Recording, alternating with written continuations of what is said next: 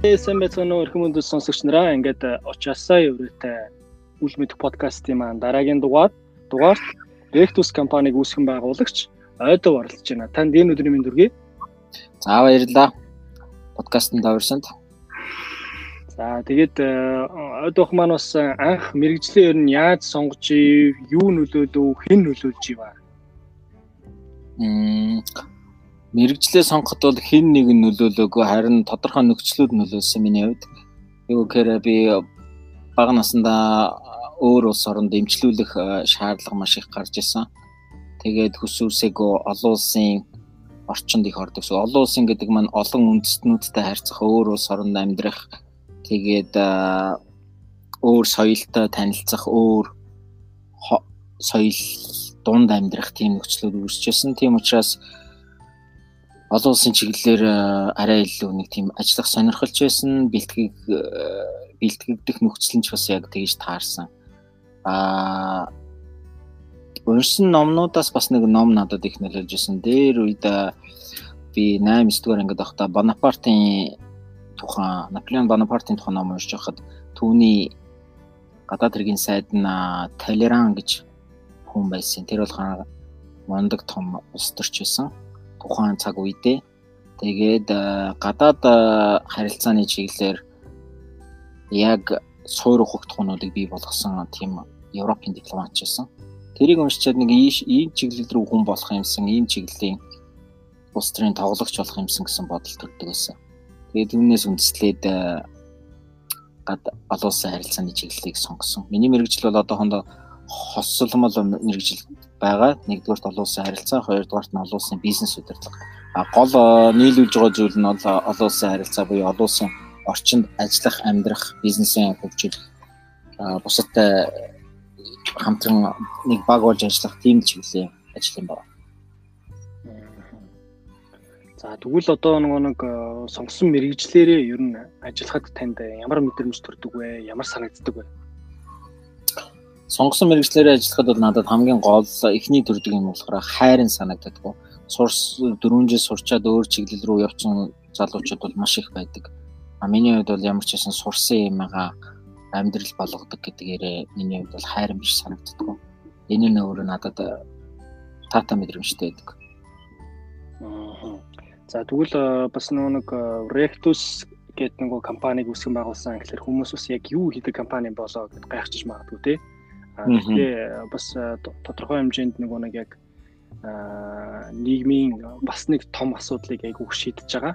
Ийм одоо нэг компаниг үүсгэн байгуулад оройлж толгоолоод ингээ ажиллаж байгаа таны хувьд бас ингээд компанийн талаар танилцуулаач. Ер нь ямар ч улсын нийгмийг э, жижиглээд харах юм бол нэг гэр бүл л байгаа тийм үү? Үндс нь э, эдэс нь бол нэг гэр бүл байгаа. Манайх болохоор нэг гэр бүлд ямар байдлаар тусалж байна вэ гэхээр альва гэр бүлд заримдаа төр зүрийн гэмтэл авах, төр зүрийн эрүүл мэндийн асуудал үүсэх, эсвэл харвалт, эсвэл өндөр насны, эсвэл хөгжлийн бэрхшээл гэсэн ийм асуудал үүсэх магадлал бол байдаг А энэ тохиолдолд тэр хүнийг асрахын тулд нөгөө гэр бүлийн нөгөө гишүүд нь зайлшгүй маш их хүч хөдөлмөр шаар гаргадаг. А тодорхой технологи хэрэгжилж чадахгүй тохиолдолд тэр нь өөрөө тэр гэр бүлдээ маш их том дарамт болдог, стресс үүсгдэг, санхүү болоод бусад төрлийн ачааллыг бий болгодог. А бидний Rectus гэдэг компани оруулж ирж байгаа тоног хэрэгсэл технологи нь болохоор тэр ачааллыг багасгах стрессийг багасгах, биед э, ачааллыг бас багасгах тийм үүрэгтэй байдаг. Тийм учраас манай компани үндсэн лого нь болохоор асаргаа суйлгаа үзүүлдэг, асруулдаг хүн бүрт гэж байгаа байхгүй юу?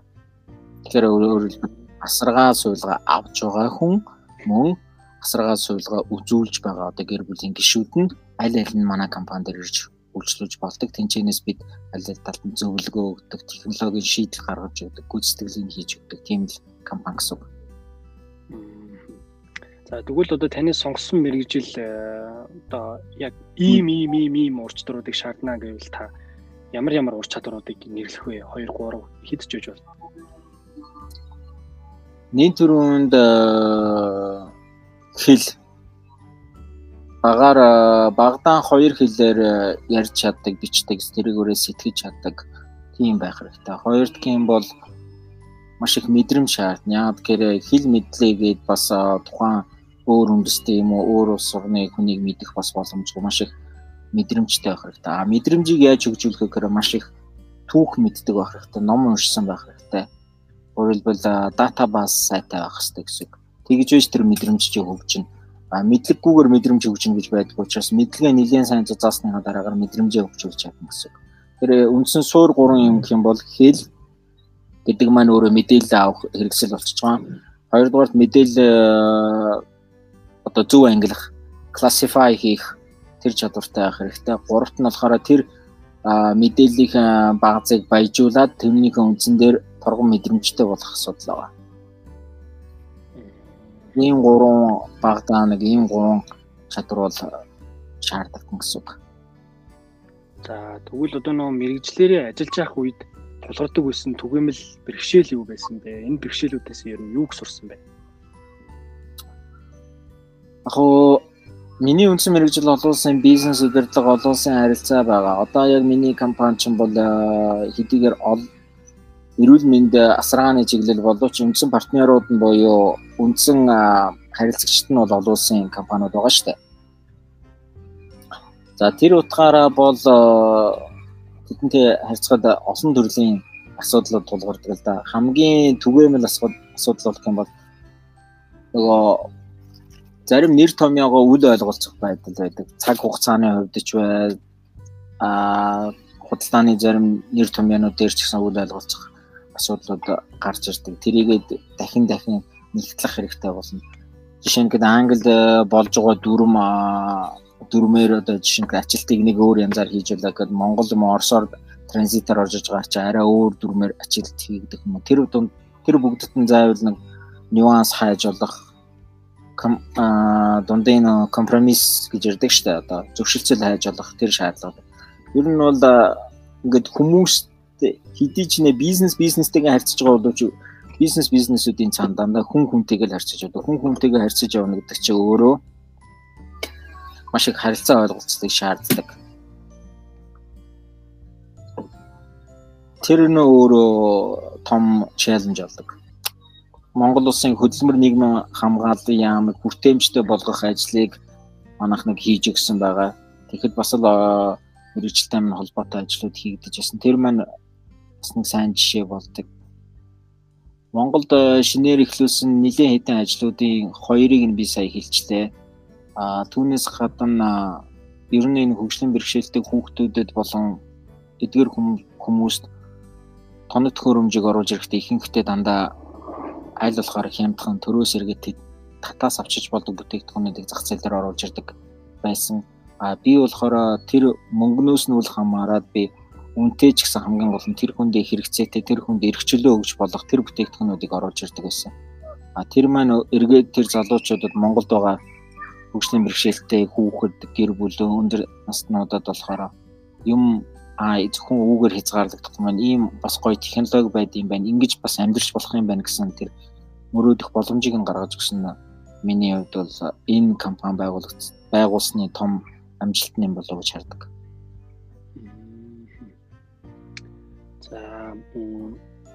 Та ер нь карьерийг юу гэж ойлгодог вэ? Тэгээ таны хувьд ер нь төлөвлөж исэн үү? Хэрвээ төлөвлөж исэн бол хэдэн жилээр ер нь төлөвлөж исэн бэ?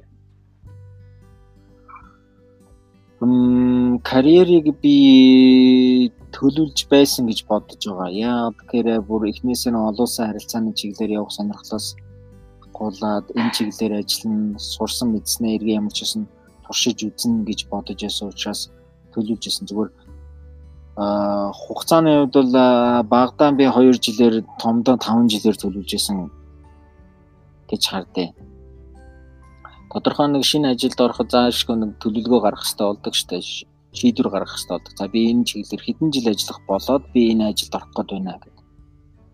Аа би их сургуулаа төгсчөөд компанид гадаад харилцааны менежерээр 5 жил ажилласан.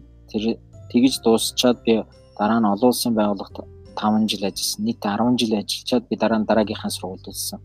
Ингээд 5 5 жилээр ажиллах хугацаанд тодорхой хэмжээгээр бол төлөвлөлт бол явагдаж байсан а карьер гэдгийг карьер path гэдгийг одоо би юу гэж хараад байдаг вэ гэхээр аа ер нь бол нэг шулуун явдаг зам шиг харагддаггүй юм.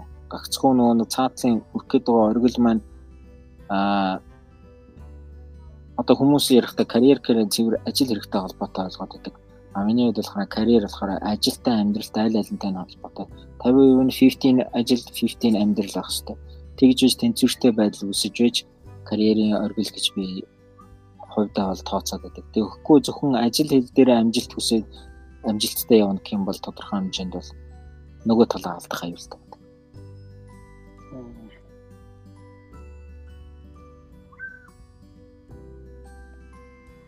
Бана. Бана. Хоолж усэр юм. За. Аа За тэгвэл та бас нөгөө нэг ажлын гараагаа хаанаас эхэлж иваа бас энэ талаар нөгөө нэг өөрийнхөө ажлын туршлага зүйлээ бусад хүмүүст хуваалцвал. Миний хувьд бол анхны ажил бол бүр 7 дугаар ангид байхдаа сонинд орчуулга хийж байсан. Дараа нь их сургууль дэрсэн Орос Монгол хэлнээс орчуулга хийж байгаад их сургуулиуд төгсөөд яг аль биесны ажил маань анх орчуулгын товчоноос эхэлжсэн. Шангай гэдэг орчуулгын товчонд нэг жил орчим ажиллаад дараа нь аюулгүй байдлын компанид гадаад харилцааны менежер 5 жил ажилласан. Тэр тэрийгээ дуусгаад олон улсын байгууллага төслийн ажилтнаар бас 5 жил ажиллаад дараа нь Швейцарт их сургууль төгсөөд эргэж ирээд компани байгуулад тэгээ одоо өөрийнхөө компанийг ажилуулад 7 жил болж байна. Анхны хийжсэн орчуулга маань яг би ч өөрөө нөгөө түрүү хэлжсэнээр бага насндаа өөр улс оронд амьдарч байсан учраас тухайн улс орныхон хэлийг эзэмшсэн. Тэр эзэм эзэмшсэн хэл дээрх материалыг монгол хэл дээр буулгах ажлыг хийж анхныхаа хитэн төгрөг авч өстөрч байна. 80 төгрөг үлээ. 80 төгрөг үлээ 60 төгрөг авчихсан ч гэсэн. Тэгэж ажил хийж байна. Сонирхолтой байдлаар 7 дугаар ангидаа гэдэг чинь бас тий. Тэр болгон бас нэг нэг хүүхдүүд бол тоглоол ар хичээлдээ яваалаар гэж байгаа юм байхад. Яг хөө тэр үед одоо халимгийн ерөнхийлөгч тэгээд аа дэлхийн шатрын холбооны ерөнхийлөгч Кирсан Илюмжинов гэж юм байдаг шүү дээ. Тэр хүний тухайн нийтлэл аргумент факт гэдэг Оросын сонин дээр гарсан байсан. Тэгээ тэрний нийтлэлийг э, манай нэг аваг ах маань нэг энийг чинь орчуулаадах гээд тэгээ би тэрийг тэр нэг хоёр өдөр шахуу сууж яж орчуулж ирсэн. Орчуулаа бичсний дараа ахтаа өгсөний дараа эргэж э, надад өгсөн. Алаг ирээ юм бол болсон бас бөөн засвар. Миний монгол хэл их муу байсан учраас ах маань тэрийг маш их засварлсан байсан. Тэгээж анхнаха. А дээр нэмээд дундаа би бас нэр ийм ажил хийж а Куланда ба штэ Монгол телевизийн захирал байсан. Куланда их Монгол Таймс-ын дээр би орчуулга хийсэн. Тэр үед Монгол Таймс-ын ерөнхий редактораар нь их сайхан ерөнхий сайд болсон байсан. Тэгээ Москвад суугаа чин сайд Солонгой байсан. Солонгой Куланда ихч их сайхан ерөнхий сайд энэ төр дээр очиж би бас орчуулга хийсэн сургууль төгссөний дараа. Маш арвин нөгөө нэг баялаг төвхтэй хүмүүстэй. За тэгээд би нэг нийтлэл харсан. Life therapist гэдэг нэг таны тухай нэг нийтлэл тавигдсан мэс тээ. Тэгэхээр энэ яг ямар утгатай нийтлэл тавигдчихваа. Бас энэ талаараа та бас хуваалцвал Тэр маань яг уу миний одоо хийж байгаа ажилтай холбоотой түрүү хэлсэн манай энэ компанийн гол зорилго бол нэг гэр бүл туслах, нэг гэр бүл тусалж чадах юм бол улс орондоо хөрөнгө оруулалт хийж чадж гэнэ гэж бид үздэг байхгүй юу? Манай компанийхаа. А терапи гэдэг чинь өөрөө одоо нэг талын ангаах а ангаах чиглэлийн нэр томьёо байгаа. Тэгээ life therapist гэх амьдралыг ангаагч болчиход байгаа биз? Тийм учраас яг миний хийж байгаа компани маань хийж байгаа үйл ажиллагаа маань хэдийгээр нэг гэр бүлд байгаа ч гэсэн нэг гэр бүлээс цаашаа дараа нь нэг байгууллага руу шилжиж байгаа нэг байгууллагаас нэгсэг байгууллага руу шилжиж ингээд явж байгаа учраас хүмүүсийн аж амьдралыг амгаалж байгаа чиглэл рүүгээ л бодож тийм нэр өгсөн байлээ. Тэр нийтлэл дээр. За магадгүй одоо нэг таны мэрэгчлэр сурах гэж байгаа эсвэл сурч байгаа за эсвэл дөнгөж ажил дээр гарч байгаа ийм залуучуудад хандаад ер нь яг юу гэж уриалах вэ? Юуг анхаараарай гэж зөвлөх вэ?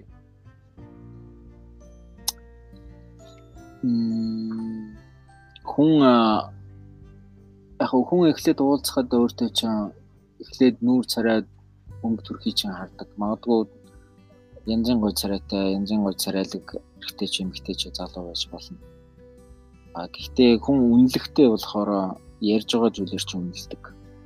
Ямар үг хэрэгжилж байна, яаж сэтгэж байна, яаж өгүүлбэр зүгээ гаргаж ирж байна, ямар утга логик сэтгэлгээтэй ярьж байна. А тэрий чинь би болгож өгдөг зүйл бол зүгээр нэг номын хадмал үгийг эсвэл зүрж зүгийг гоё хэлснээр бол тэр гоё харагдахгүй.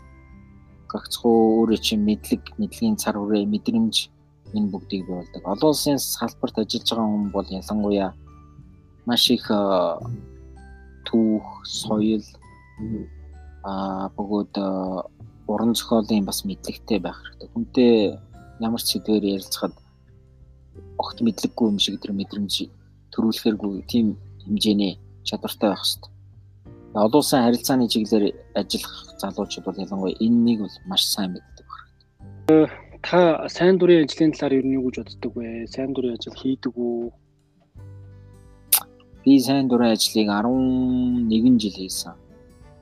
Би сайн дурын ажлыг өөрөө удирдах явсан, өөрөө сайн дурын ажилтнуудын одоо ашиг хүртэгч гэмэд тэр байж утсан. 11 жил би анх 97 онд 17 настай байхдаа Америкаас тэрэгэн цар оруулж ирдэг төрийн бүс байгууллагыг аавтайгаа болон найз нартайгаа байгуулад 12 жилийн турш Монгол бүх аймагуудаар явж тэрэгэн цар болон алхуулагч таяг энтрийг манай хөдөө орон нутагт мэддэггүй байхад одоо нөө халтар царайд гэх кинон дэр гарч ирээд нэг а эмэгтэй суугаад нэг тэрэгэн мотортой тэрэгэнцэр дээр явдаг байхад хараацагийн тэрэгэнцэр гэж нэрлэдэг байсан. Тийм тэрэгэнцрүүдийг бүртэл Монголд өнгөө оруулж ирж хүмүүст өнгөө тарааж өгдөг ажил гэжсэн. Тэрийг бол би 12 жилийн хугацаанд хийсэн. Сайн дурын ажил бол байх ёстой гэж боддог. Сайн дурын ажил бол ялангуяа залуучууд дуртай бай, юу ямар чиглэлээр өөрийгөө хөгжүүлэх вэ? Ямар чиглэлээр ирээдүйд өөрийнхөө амьдралыг авч явах вэ гэдгийг өөртөө болон бусдад их хариуцлага хүлээлгэхгүйгээр сонгох тэр боломжийг гаргаж өгдөг. Энэ миний хийх ажил уу, миний явах зам мөн үү гэдгийг тодорхойлоход.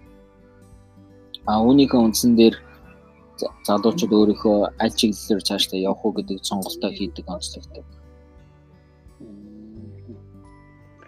За хамгийн сүүлд нэг асуудаг асуулт маань болохоор нэг мартагдсан монгол үг гээд за яг энэ нөгөө нэг илүү